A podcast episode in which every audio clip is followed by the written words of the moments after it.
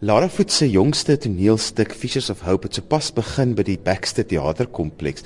Lara vertel vir ons eerste van die storielyn van die toneelstuk. The story was inspired by a concept that I had been thinking about for a long time around the possibilities of hope. Not only possibilities, but where does hope come from? Um, is it an instinct? Is it a belief? Are you born with it? Is it something that somebody has taught you? And what happens to hope post Mandela? Does the capacity for hope become depleted? Does hope continue despite uh, the loss of a leader or of uh, someone that you've put all your uh, thoughts and care into and all your future ideas into. And at the same time, I'd been for a long time inspired by a documentary called Darwin's Nightmare, which looked at the fishing village in Tanzania on the lake of uh, Lake Victoria. And wanting to explore this context further of a lake that had been plundered and pillaged over the years, uh, where immigrant, so-called immigrant fish, had been um, put into the lake, and uh, the ecology of the lake had been completely destroyed. Um, and these uh, Nile perch had uh, grown bigger and bigger and eaten all the indigenous species. Um, and, and I thought this was a, a very interesting place to set a play, just in terms of the context. Also, having a fascination with Kenya and it being 50 years into its independence from Britain, I also thought that that would be a good place to research this fishing village. And so, with all these thoughts in mind, I began a development process, um, looking at hope, looking at the fishing village, getting outside of South Africa where uh, I was no longer trapped or restricted by our past and our politics.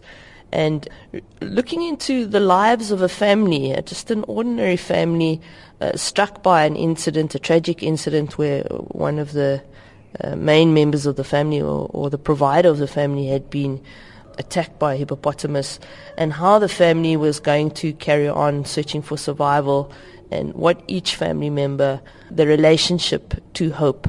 Um, how they felt about hope and how they were going to try and achieve their hopes and dreams uh, in this chaotic situation. Vertel vir ons 'n bietjie van die navorsingsproses want ek het gehoor julle was selfs vir 2 weke Kenia toe om regtig agter die storie te kom. Yes, we uh, we had the privilege of uh, taking a trip to Kenya and we had a, a guide uh, Mira Mandisi who who took us around Kenya um, to all the little fishing villages and also to you know places where there were homes for orphans or uh, homes for widowers um, and, and gave us the nitty gritty and the detail of the social background of uh, what was happening in the political background.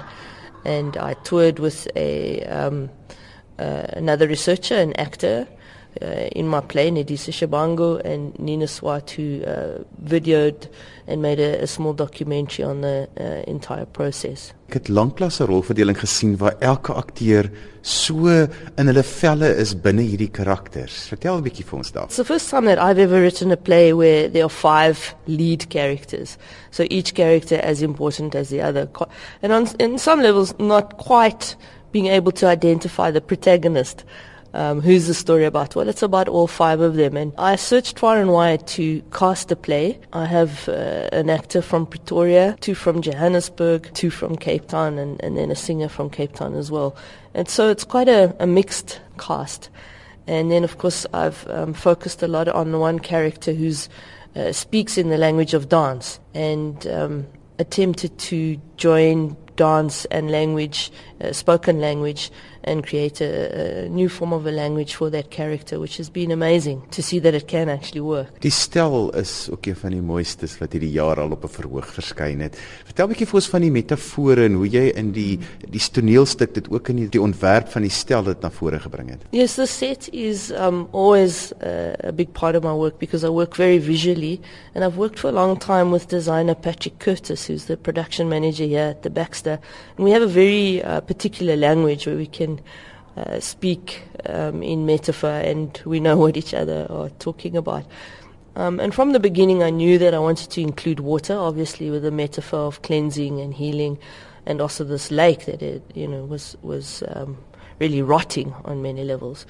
Obviously, the dancer um, using the water, I knew that that would be spectacular, and and the choreographer Grant van Ster Uh, I knew that he had uh, experience working with uh, dancers in waters. And then I knew that I needed a, a setting, you know, a, a kind of a, a hut or a, a, location that had some realistic elements. But I wanted the land to, to have a flow about it and a, feel organic to the piece. And I think Patrick, you know, he's done a, a marvelous job on a tiny little budget. He built the set himself with the Baxter staff. Um, but he has a real sense of the femininity uh, that was required in the in the landscape. Die klankbaan, ek hoef dit eintlik net so te sê, dit is regtig besonderse musiek. I was very fortunate that Dizu Plaatjies is a professor here at university uh, recommended uh, Kleba to come and do our music and he he has the most extraordinary voice so he can he can do almost anything with his voice. And again, it was in the rehearsal process that we found the right sounds and transitions.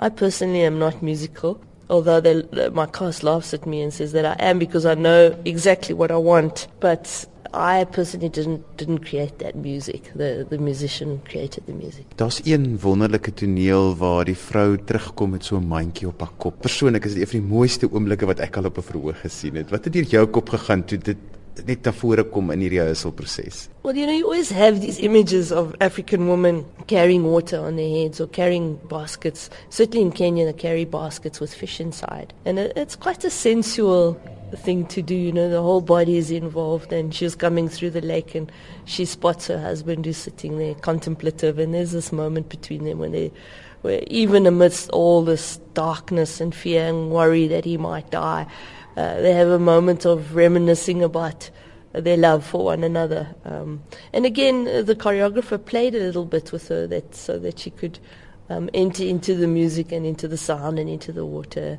And just to have some light in the middle of of this crazy story you know. Jy was sopas op Gramstad by die nasionale kunstefees. Hoe die gehore dit daar ontvang want dit is altyd anderster hoe Kaapse gehore was as die Gramstad gehore iets ontvang. The Gramstad audiences received it very well. You know it's always with a new play that you're not quite sure uh, uh, if it's settled in yet if it's flying yet if we're making our point if we're telling the story clearly. So it's there's always a little a little bit of doubt and insecurity from the performers and from myself And uh, I suppose the audience might set, you know, uh, pick that up. But they're also a very giving audience, and they're there to see theatre, and they want to see the best piece on the festival, and, and there's something competitive about that. So um, they responded incredibly well. A lot of young very young audience, which I was quite surprised at, and they, they loved it. But I think the audience here in Cape Town listens more carefully, it's more discerning, uh, more of an academic, intellectual audience.